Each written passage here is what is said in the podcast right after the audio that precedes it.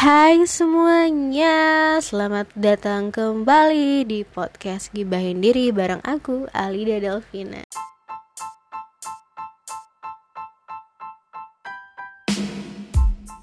foya-foya ya?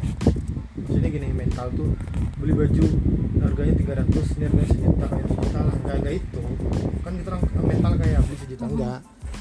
Mental tuh kayak ngelihat peluang terus memikirkan hal-hal besar bukan hal kecil misalnya contoh nak eh, kita kan sering tuh masuk kan terus ngelihat gelagat Mhm, ya, Nina, Nina. iya, Nah, itu eh, bukan berarti salah ya, Iya. cuman eh, bis, di- itu tuh dibolehkan, tapi jangan sampai itu tuh kita disibukkan di situ, kemudian melupakan hal-hal besar. iya, Contoh hal besar tuh kita datang ke situ, ini karyawannya enam orang nih, enam orang gajinya 3 juta, berarti dia harus ngelu- ngeluarin gaji 30 juta sebulan.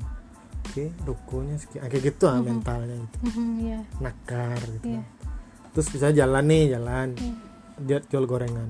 Ibu ini gorengannya rame tapi kok pakai gerobak Mhm, kepikiran bikin gerobaknya eh, keren bersih mhm, bisa, eh, bisa makan di situ mungkin atau apa Mhm, gitu kan. Mhm. kayak gitu-gitu ininya.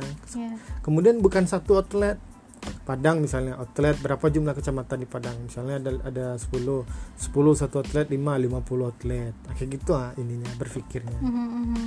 nah, So simpel apa nak? Ada teman Dewi yang cari bahan-bahan ke India. Tuh citrus Nak. tuh. Nah, citrus namanya dia tuh. kan suka nakar-nakar kayaknya Heeh. Nak. kalau dia pesan segini terus dia jual segini nanti keuntungannya dia segini kayak gitu kan.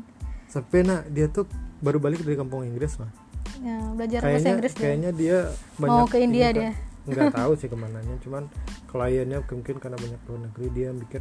Dan dia tinggalin bisnisnya. Nah itu Iya. juga ininya katanya di dalam quote itu menarik sukses berbisnis itu kita tuh harus punya mental berani Mhm, dan tidak mudah menyerah.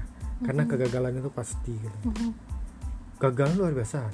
Jadi bapak tuh dia kan orang kaya kan. Dulunya dia sekolah itu dia ini eh, no- apa bantuin orang tuanya bertani. Ya, sayur. Sayur itu dia yang jualin ke pasar. Mhm, waktu dia miskin. Ya, sekarang uh, rumahnya mungkin lah di mana-mana tuh pak iya, iya, iya, nah terus dia mendidik anaknya bagus juga kan misalnya kita ini orang kaya nih kan. Pasti misalnya usaha kita sukses iya, pasti kita suruh anak kita ngurus langsung nah iya, dia nggak dia bikin usaha kecil. Mhm, kalau lu selesai baru lu berdiri di sini.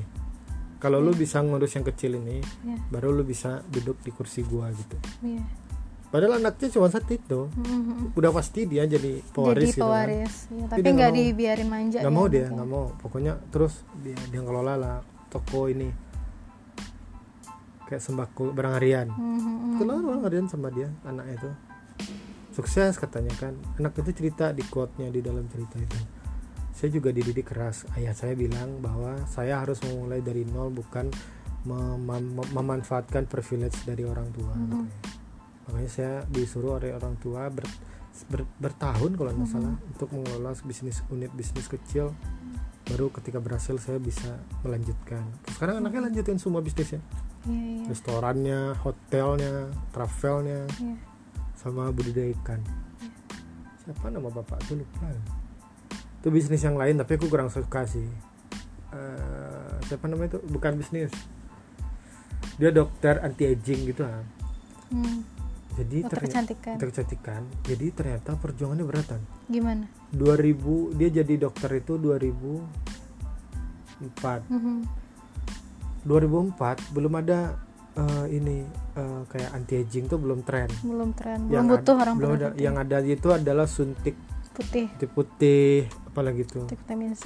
Eh, pokoknya yang, yang suntik lah Iya. silikon iya gitu ya. iya iya dan di waktu silikon itu lagi tren dia sedang mau apa menu, apa sedang mensosialisasikan anti aging yang jadi yang kalau itu. silikon tuh dia kan dia berkerut kan? Dia bisa ngilangin kerut di wajah kalau suntik Hmm, silikon gitu. Tuh sampai nak orang nggak percaya sama produk anti aging ini. Hmm, di si dokter ini dia keliling Indonesia buat sem- mengisi seminar. Hmm, men- mengedukasi masyarakat bahwa ada loh anti aging yang lebih sehat iya. ketimbang itu. Sekarang berhasil ya terus ada juga cerita ketiga bapak tuh jualan nih koper. Tahu tahu, tahu koper merek presiden nggak? Tahu koper paling bagus di Indonesia Tahu. tuh. Presiden mereknya. Jadi awalnya tuh dia jualan koper kan. Dia stok ke toko. Udah presiden juga mereknya? Udah presiden. Tapi orang nggak ada yang tahu. Hmm. Terus nggak ada yang beli kan? Terus orang toko tuh nggak mau dia lagi nitip dititipin tas karena buat mereknya nggak bagus.